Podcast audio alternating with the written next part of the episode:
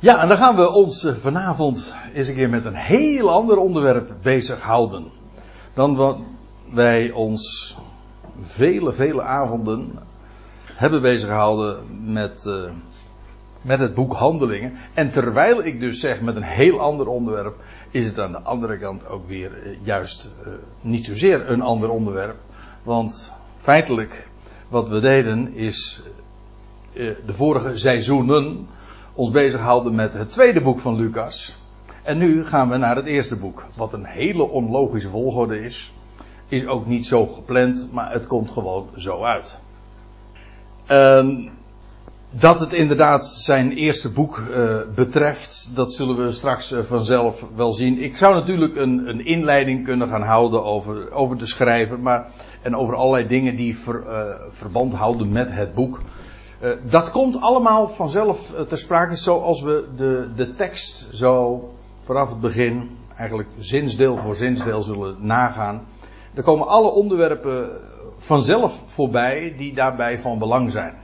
En als het niet van belang is, ja, nou ja, dan, dan laten we het gewoon rusten, toch? Ja, Lucas begint dan zijn evangelie zo. Hij zegt, aangezien velen een poging ondernamen om een verhaal op te stellen omtrent de zaken die onder ons ten volle verzekerd zijn en wat verder volgt, dan, dan, dan merkt hij eh, om te beginnen op, heel officieel begint hij dan ook met aangezien velen, maar dat woord velen valt dan op, omdat, er, omdat het ons erop uh, wijst dat hij dus uh, deel uitmaakt van een heel groot gezelschap die ditzelfde heeft gedaan als wat hij nu doet. En dan moet je uh, je realiseren dat hij dan niet eens meerekent Matthäus en Johannes, want die waren namelijk zelf ooggetuigen. Lucas was geen ooggetuige, we zullen straks vanzelf zien. Lucas was geen ooggetuige van de dingen die hij hier nu optekent. In het volgende vers zullen we dan inderdaad zien dat die velen worden onderscheiden van de ooggetuigen zelf. En aangezien zowel Matthäus, hij wordt eigenlijk uh, ook genoemd Levi, maar ook uh, Johannes zelf ooggetuigen waren, horen die niet eens bij de velen. Dat betekent dus dat er, de enige van waarvan wij dan nog weten, die ons is nagebleven, dat is die, de beschrijving van Marcus. Ja, ja wel, uiteraard van Marcus, want Marcus was inderdaad zelf ook geen ooggetuige, die heeft het weer van Petrus vernomen. Maar dat betekent dus dat er ook vele geschriften verloren gegaan zijn waar wij helemaal niks meer van weten. En het zijn deze, uh, ja, Matthäus, Marcus, Lucas, Johannes, die bewaard zijn gebleven en een plaats hebben gekregen zo in de, in de kanon. En u weet, dat is geen werk geweest. Dat uh, hebben we bij een andere gelegenheid wel eens een keertje bezien. En vrij uitgebreid, zelfs ook besproken.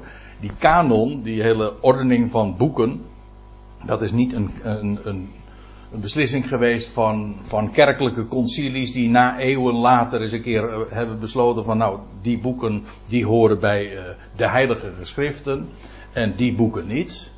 Zo wordt het dikwijls wel voorgesteld, maar dat is absoluut niet het geval. Trouwens, als het wel zo was gegaan, dan had ik er ook geen zeentje vertrouwen in gehad. als, als kerkelijke concilies de schrift zouden hebben samengesteld, dan uh, berust dat op hetzelfde gezag. Of dan zou dat op hetzelfde gezag berusten als uh, waar uh, op bijvoorbeeld het dogma van de drie-eenheid gebaseerd is. Ik bedoel, dat is ook eeuwen later door de kerk zo vastgesteld. Maar wat zegt dat? Nee, de boeken van het Nieuwe Testament zijn door de apostelen zelf verzameld. Niet alleen opgetekend, maar ook uh, verzameld, uh, bij, gebundeld. En, en we zien allerlei pogingen, of nee, niet pogingen, maar de eerste aanzetten daarvan vinden we op alle, allerlei plaatsen in het Nieuwe Testament. Van Petrus weten we bijvoorbeeld dat hij al een collectie had van, alle, van al Paulus' brieven. Waar hij dan ook zijn lezers op wijst. Van, nou, je, je kan dat allemaal lezen in Paulus' brieven, want in al zijn brieven spreekt hij daarover. Dus kennelijk waren die verzameld en was dat een, een, een bekende ja, Nou ja, zoals dat dan in het Engels heet, de collected writings. Hè, de, de, verzamelde geschriften van Paulus. En, en, Paulus heeft aan het einde van zijn leven, en Petrus trouwens ook, eh, de geschriften gebundeld. Want ja, dat was voor het nageslacht natuurlijk van een, eminent belang. Namelijk om een, een maatstaf te hebben, om uh, geboekstaafd, zwart op wit, materiaal te hebben waaraan de dingen gespiegeld kunnen worden en genormeerd. En ja, wat is nou betrouwbaar? Dus de, het belang van, van een, een, een collectie van boeken die behoren tot de, de geschriften, de heilige geschriften, ja, dat was iets waar alleen de apostelen zelf ook de autoriteit voor hadden. Ik bedoel, zij waren aangesteld door Jezus Christus zelf. Ten laatste ook Paulus, ik bedoel geroepen vanuit de hemel. En zij werden aangesteld, zij heten ook apostelen omdat ze aangesteld en afgevaardigd zijn, hoogstpersoonlijk, door Jezus Christus zelf. Zijn autoriteit hadden ze. En zij hadden het de autoriteit ook om het woord door te geven. Maar wie anders dan zij ook hadden de autoriteit om dat woord ook op te tekenen. Maar ook om het bijeen te brengen en om dat zo uh, te bundelen. En zo ook de volgende generatie daarmee uh, van dienst te zijn. Dat is een onderwerp apart natuurlijk. Maar uh, ik wijs er nu eventjes gewoon op, omdat Lucas erop wijst dat, ja, dat van dat er velen al eh, evangeliebeschrijvingen hebben gemaakt en opgetekend. Maar eh, wij hebben daar slechts, uh, slechts wat heet, vier van overgehouden. Vier evangeliebeschrijvingen en dan nog maar twee in de orde zoals Lucas, namelijk die dat uit tweede hand heeft vernomen. Ja, ik heb het, ik heb het trouwens genoemd, Lucas' eerste boek. Het, ik had het ook kunnen noemen uh, het evangelie naar Lucas.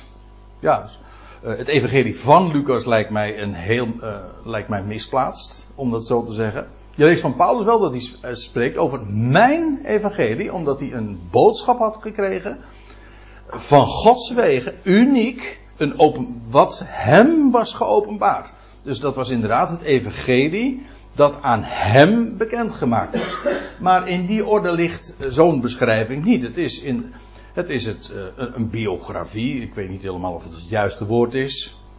Slotverrekening. Uh, ver uit het grootste gedeelte van het leven van de Heer Jezus hier op aarde is gewoon nog blanco. Nou ja, Lucas maakt daar min of meer een uitzondering op, omdat hij wel wat nou ja, met name die eerste hoofdstukken gaat hij in op de geboortegeschiedenis en de achtergronden daarvan van de Heer Jezus.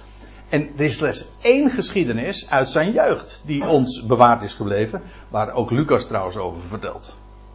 En dat is dat, hij, dat Jezus als twaalfjarige jongen dan in de tempel vertoeft. Maar dan is van 0 tot en met 30 gewoon, uh, behouden ze dus de geboortegeschiedenis, het bezoek van de, de magiërs uit het oosten. Toen was Jezus inmiddels een jochie van, van twee jaar uh, dat hij als jongen van 12 de tempel bezoekt. Behoudens die gebeurtenissen is alles gewoon tot aan zijn dertigste volstrekt onbekend. Wordt niks over verteld.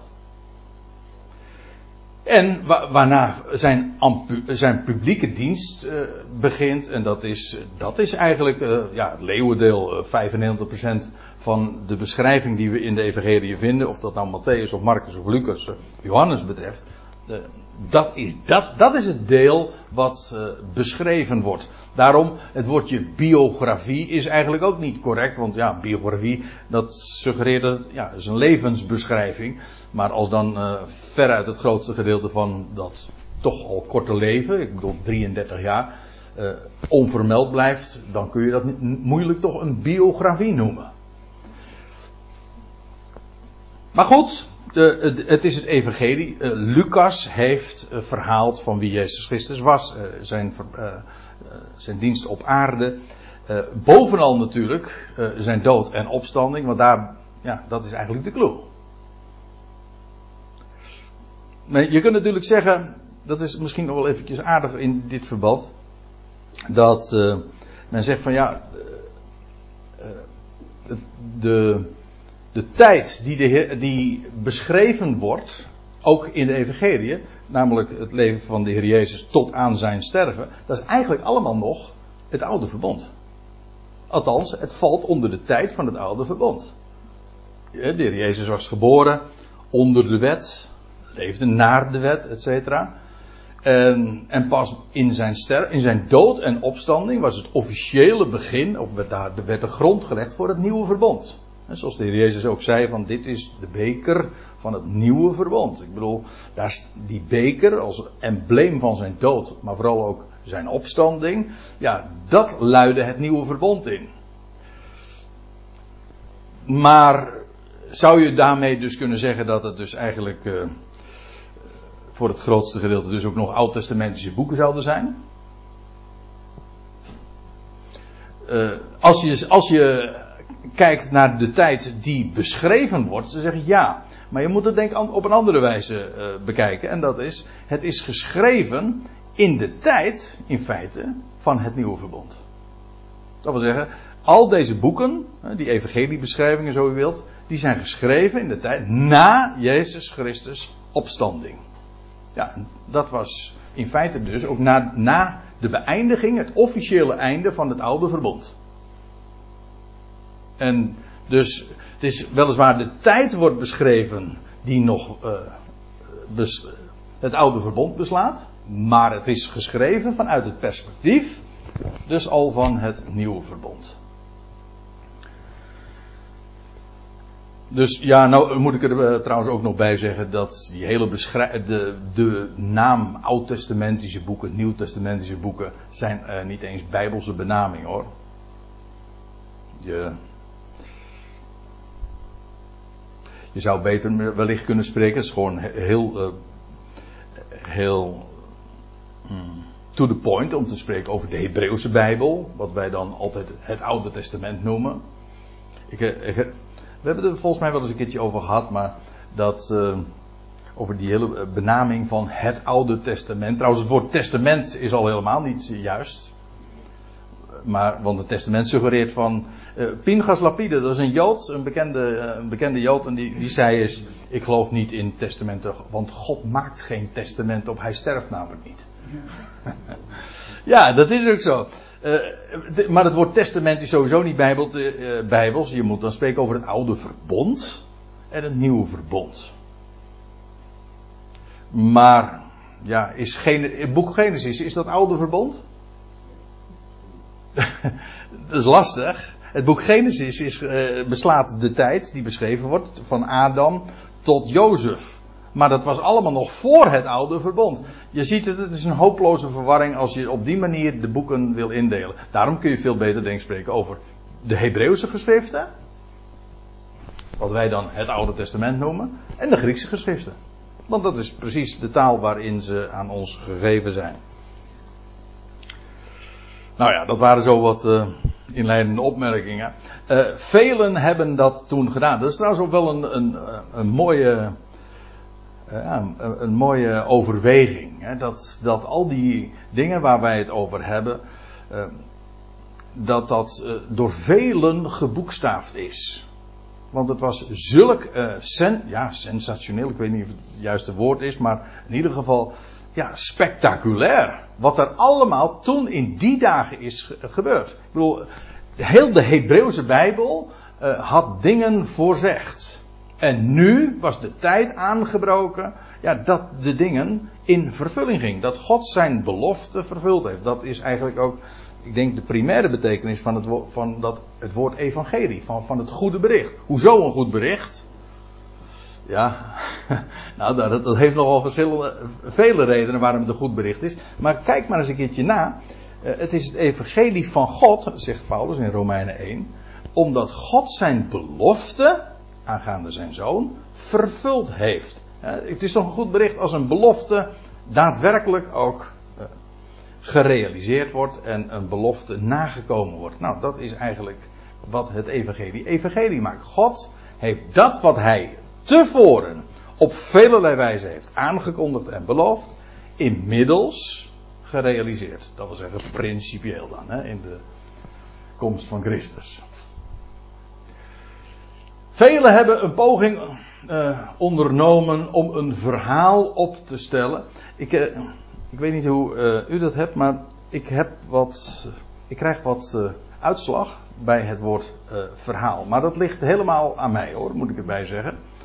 Uh, nou ja, bij het woord verhaal, uh, zoals dat heel vaak wordt gebruikt, met name dan in, in christelijke kring, of nou misschien moet ik nog beter zeggen, binnen de wereld van de theologen.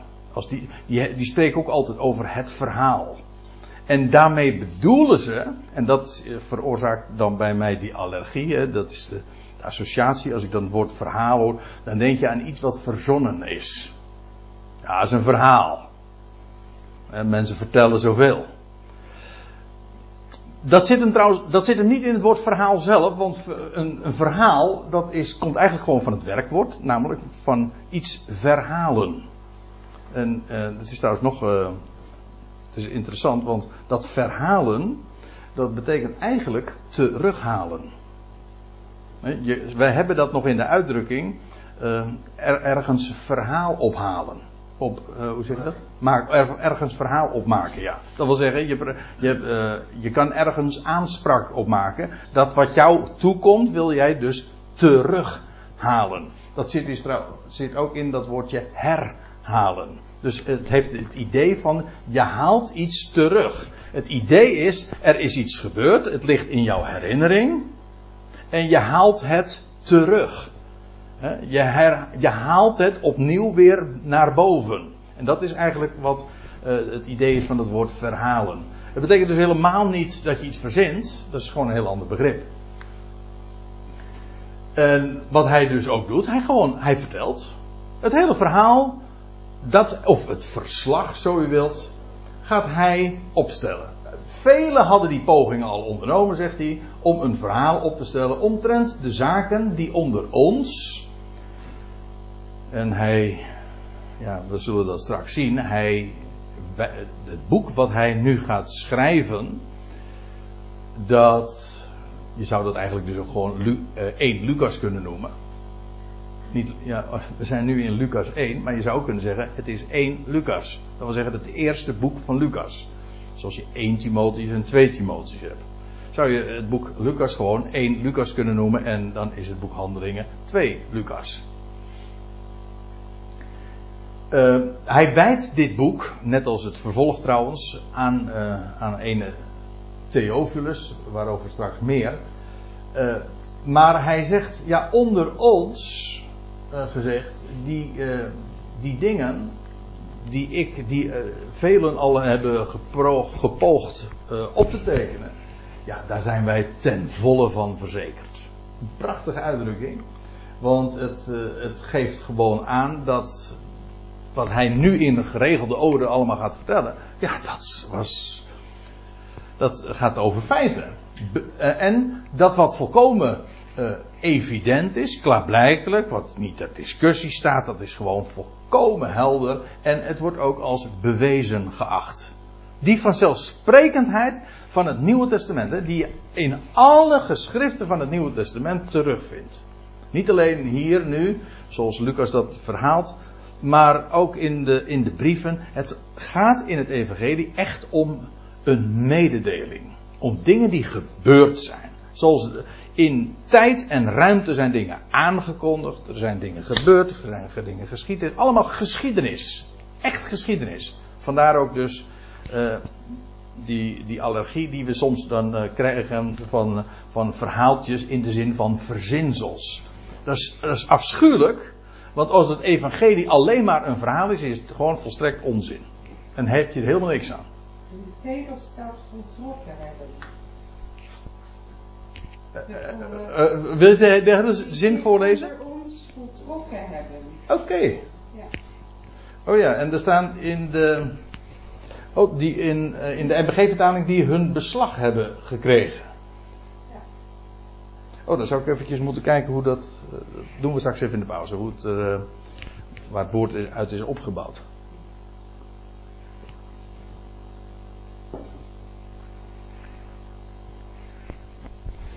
En.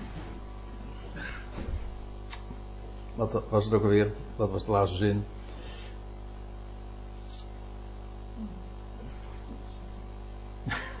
nee, dat neem ik jou niet kwalijk, Emmy. Ik, Uh, ik, ik vind het een beetje moeilijk om het nou allemaal weer op te halen, weet je wel.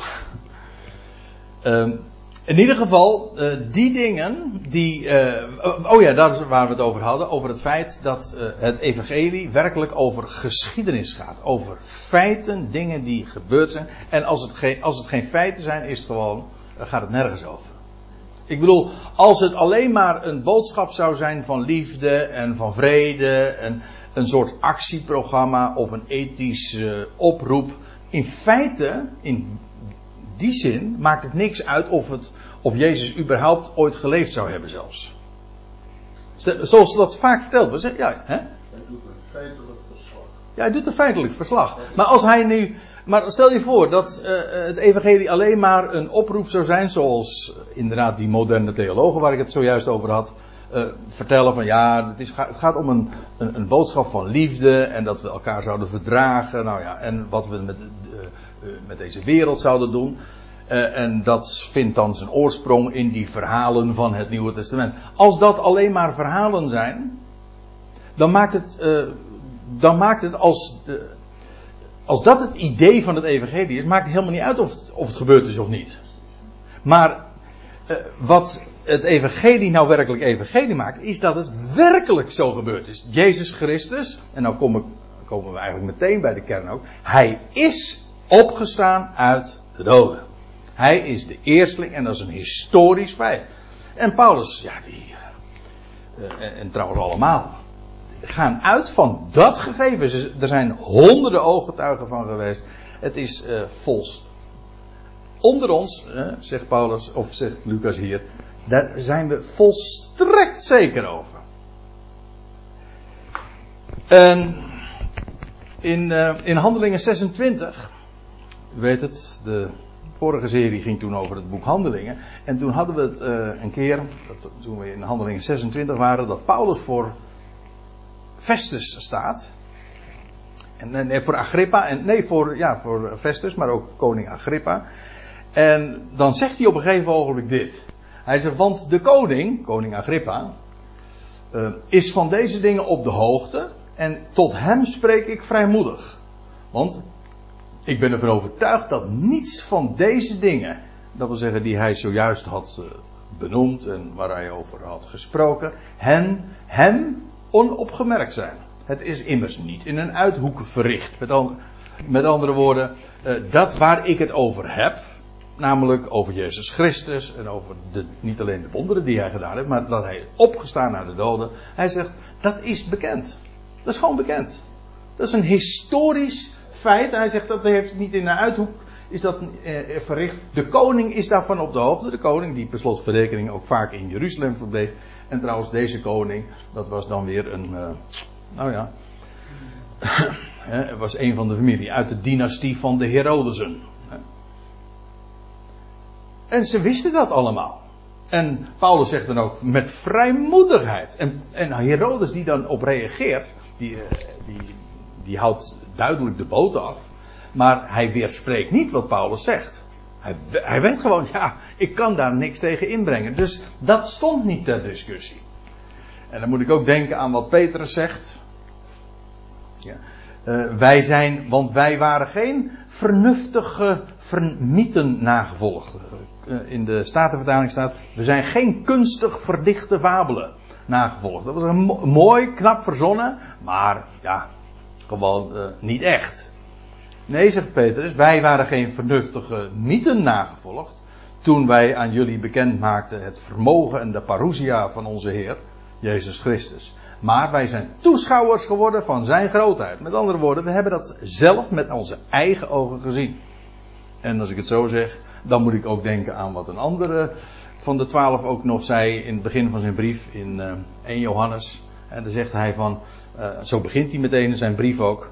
Uh, hetgeen van de beginnen was, hetgeen wij gehoord hebben, hetgeen we gezien hebben, hetgeen onze, we zelfs aanschouwd hebben en met onze handen getast hebben, het woord van het leven. Nou, concreter kan het niet. Dus altijd weer wordt de, de feitelijkheid, het echt gebeurd zijn, zo zwaar benadrukt. En het gaat dus om betrouwbare geschiedenis. Het is bewezen. En dat maakt deze documenten dus zo enorm bijzonder. Het gaat dus niet over iemand die een bepaalde claim heeft van een droom gehad te hebben. Nee, het gaat hier over bekende feiten. Ja, en dat, uh, is, uh, dat maakt het, het, het Nieuwe Testament, om, zo te, om het dan toch maar zo te noemen, uh, zo volstrekt uniek natuurlijk.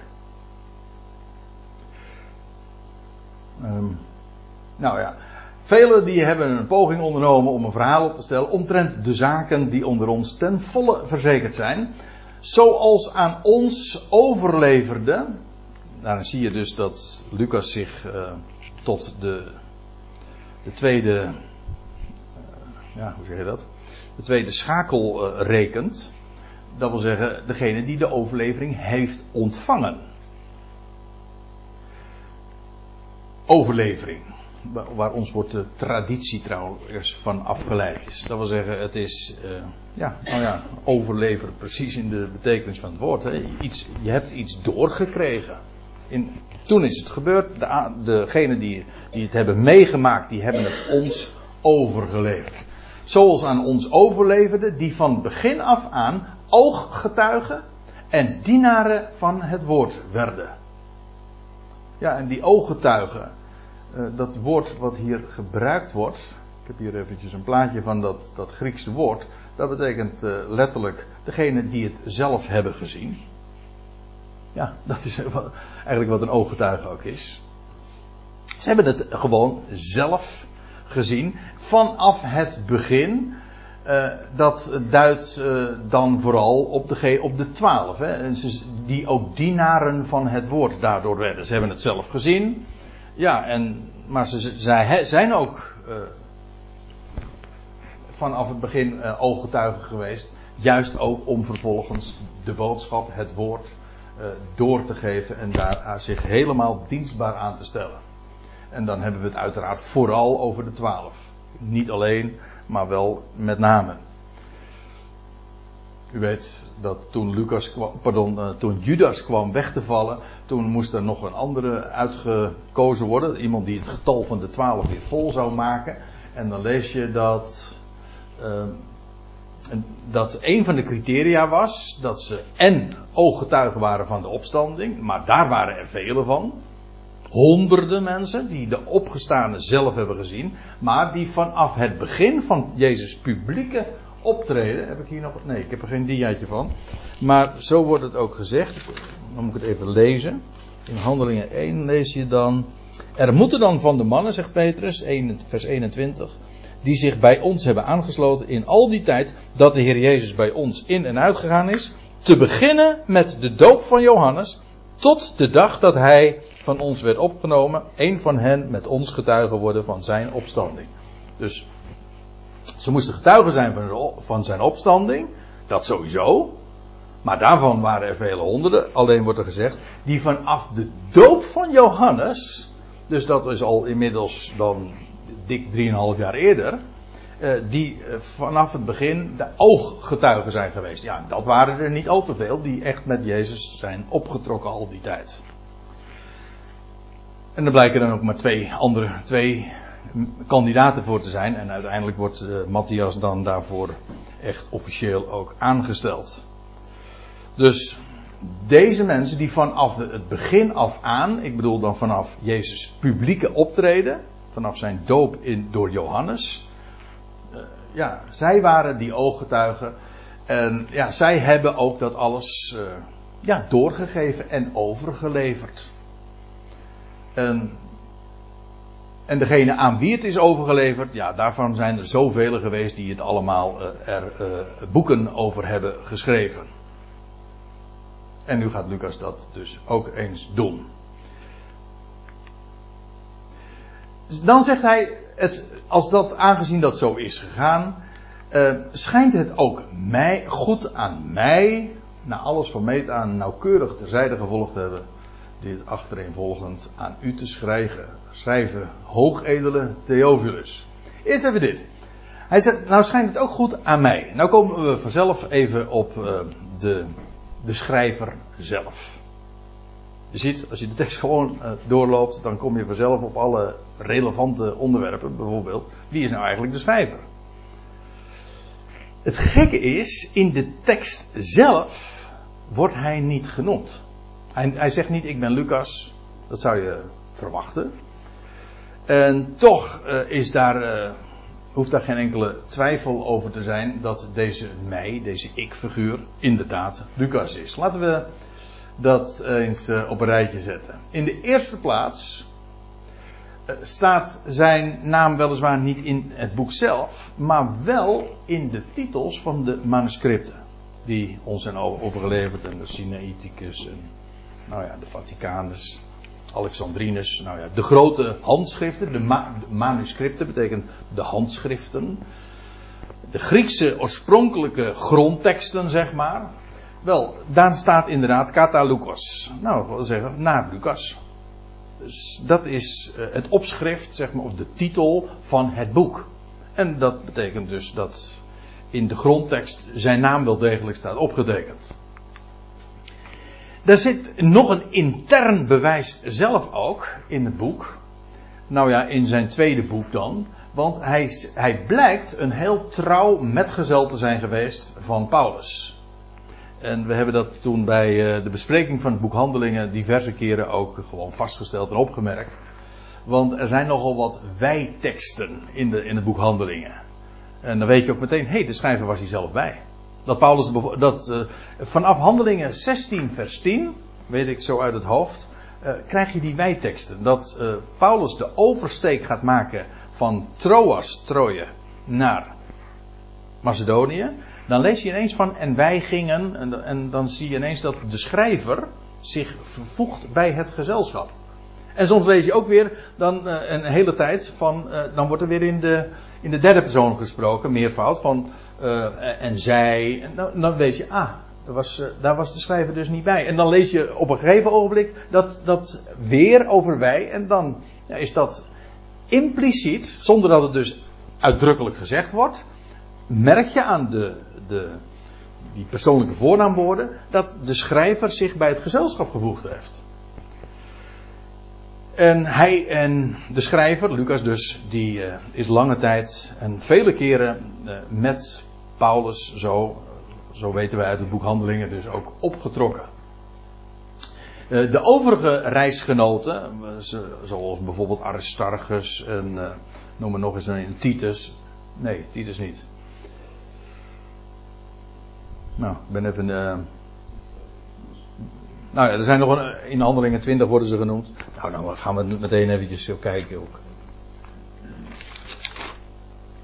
Uh, ze worden genoemd. En Sopater, handelingen 20 vers 4. En Sopater, de zoon van Pyrrhus uit Berea. Aristarchus, Secundus, Gaius. Ja, je, moet er, je zal er toch maar Gaius bij hebben. Uh, die kwam uit Derbe. En Timotheus, natuurlijk, hoe kon ik zijn naam vergeten? En Tychicus en Trofimus. Oh, ik word echt vergeten achter. Maar uh, dus al die lui worden dus genoemd. Dat waren medewerkers, mede, maar ook medereizigers, metgezellen dus van Paulus. Alleen Lucas wordt niet vermeld.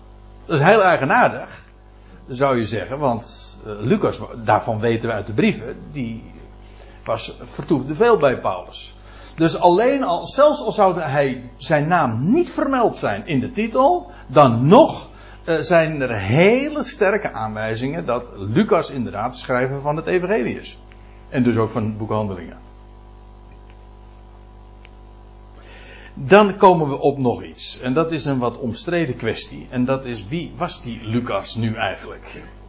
En sommigen zeggen dat hij een Jood was. Een, nou ja, uit de besnijdenis. Wat trouwens niet per se hetzelfde is. Want je hebt namelijk ook nog zoiets als onbesneden Joden. En, uh, maar laten we eerst eventjes uh, die kwestie bezien. En dat hij niet uit de besnijdenis is. Dat blijkt, als mij vraagt.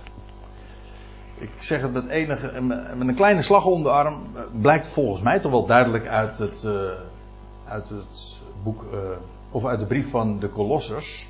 Dan lees je dit namelijk. Uh, dat is het slot van de brief. En dan lees je, en Aristarchus, haha, heb je hem weer. Uh, mijn, mijn medekrijgsgevangene, schrijft Paulus dan. laat jullie groeten en ook Marcus, de neef van Barnabas. En Jezus, die Justus wordt genoemd. En dan zegt hij erbij, de enigen uit de, de enigen uit de besnijdenis die mijn medewerkers zijn voor het koninkrijk gods, die mij tot vertroosting werden. Dus dit zijn mensen die, hij zegt, dat zijn allemaal mensen die uit de besnijdenis zijn. En dat zijn mijn medearbeiders en mij zijn mij een vertroosting. En dan lees je eh, even een paar versen verder. Dan is dat hij zegt, de geliefde geneesheer Lucas en ook Demas laten u groeten. Dus die waren ook bij Paulus. Maar die worden niet uh, bij, de, bij het gezelschap van de besnedenen genoemd. En daaruit blijkt volgens mij, ik weet, er zijn pogingen uh, ondernomen om, om dat weg te redeneren. Maar het is gekunsteld als het mij vraagt. Als je gewoon de tekst leest en zo op je laat inwerken, dan wijst alles erop dat Lucas, net als Demas trouwens, geen, uh, niet iemand was uit de besnijdenis.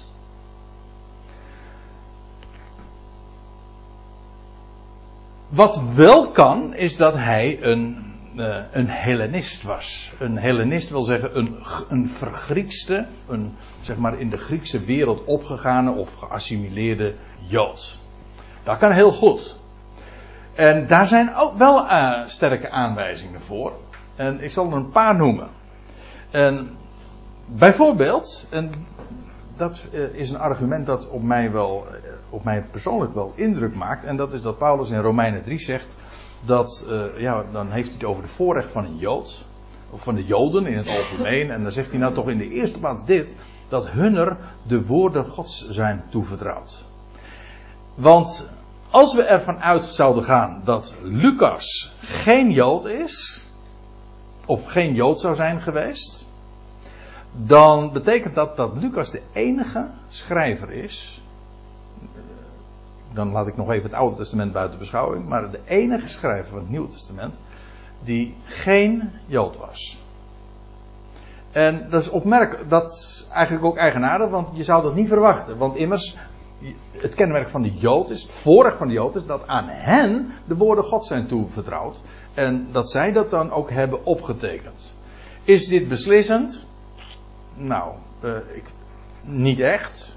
Je het is niet doorslaggevend, maar het is wel een, een, reden die in een bepaalde richting dwingt. Het is logisch om te denken dat aangezien het voorrecht van de Jood is dat aan hen de woorden Gods zijn toevertrouwd, dat, dat het ook de Joden zijn geweest die het woord van God hebben geboekstaafd, zwart op wit hebben gesteld en zo ons, ja, zo uh, de wereld daarmee hebben, van hebben voorzien, zeg maar.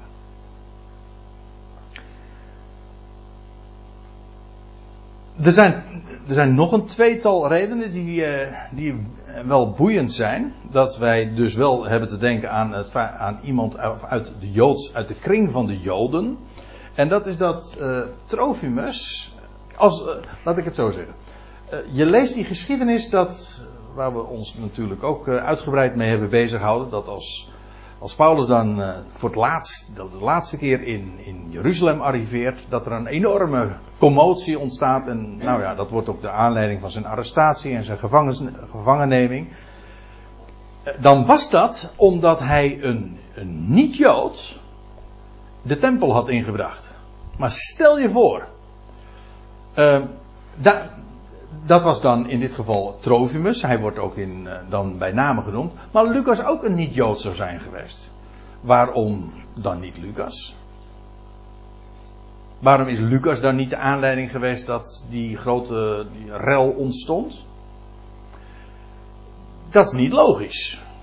En het is wel logisch als Lucas daadwerkelijk inderdaad een Jood is, misschien een Jodengenoot is geworden. Dat zou ook nog kunnen.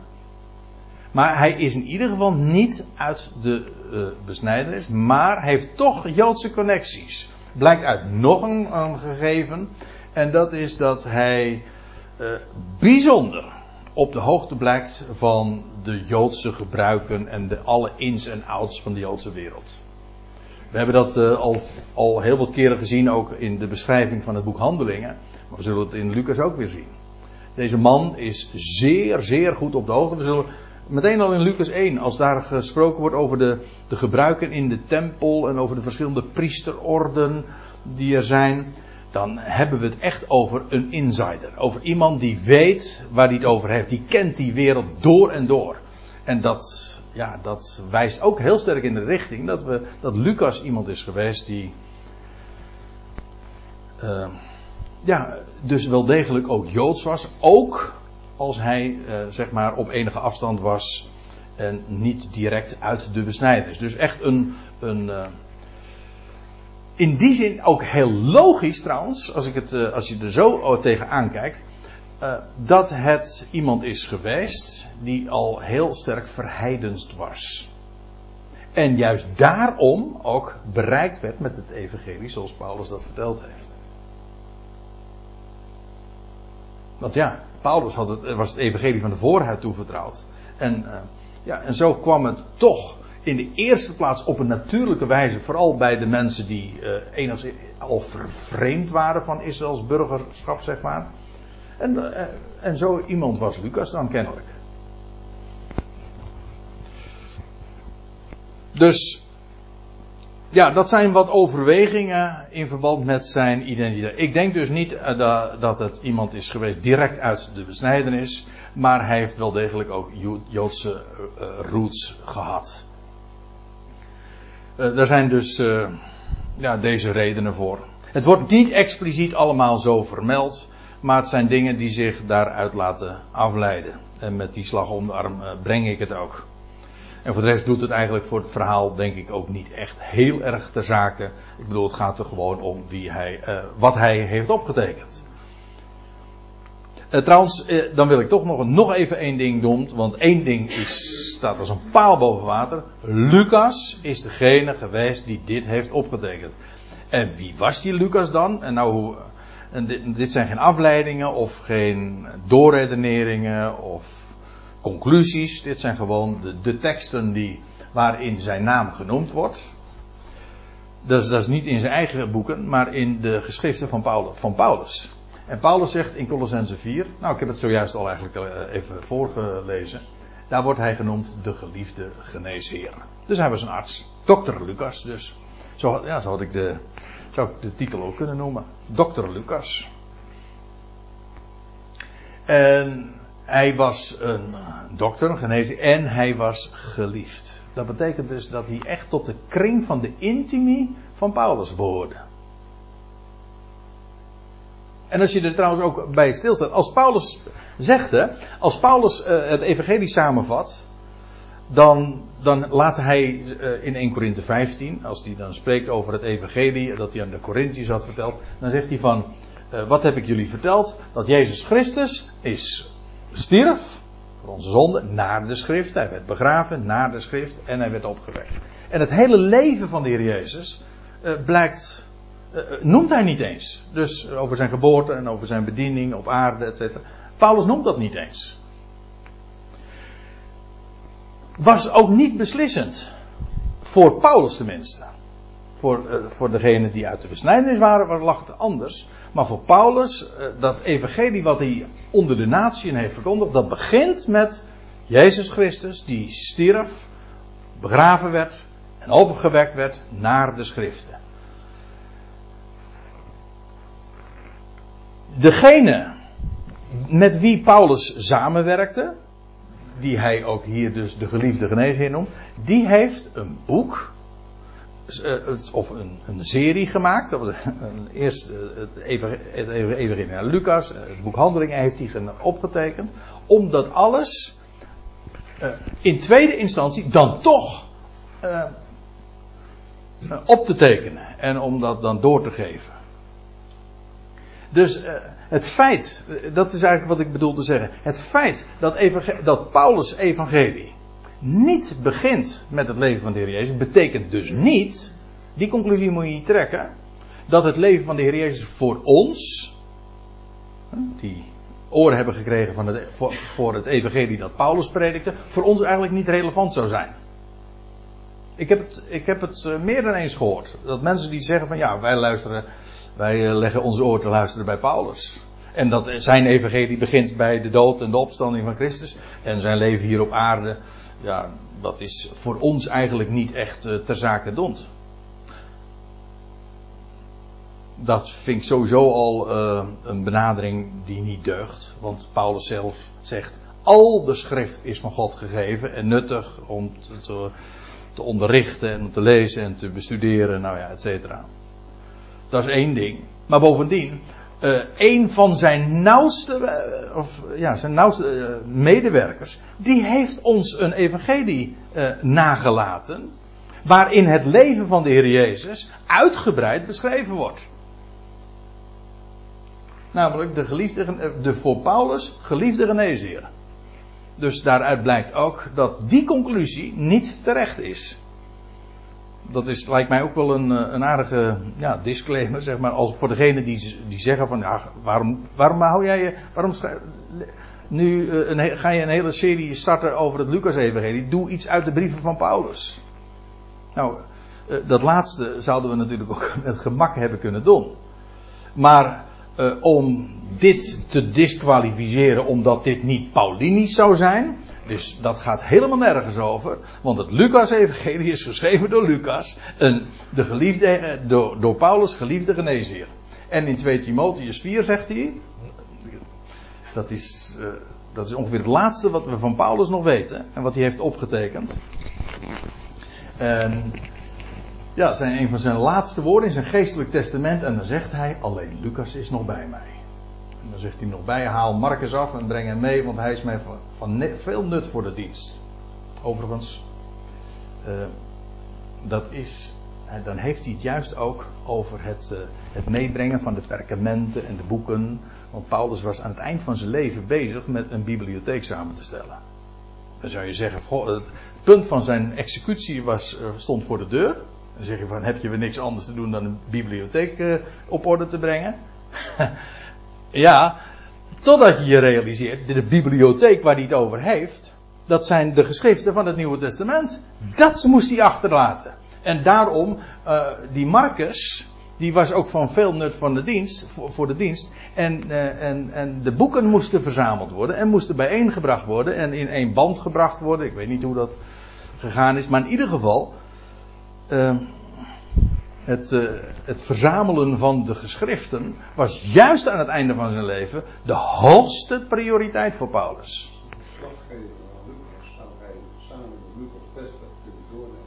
Ja, zeker weten. Als Lucas dat beschreven heeft, dan heeft Paulus er allemaal van afgelegd. Ja, absoluut. Dat ja. is dan sowieso een feit ja. basis voor Paulus. Ja.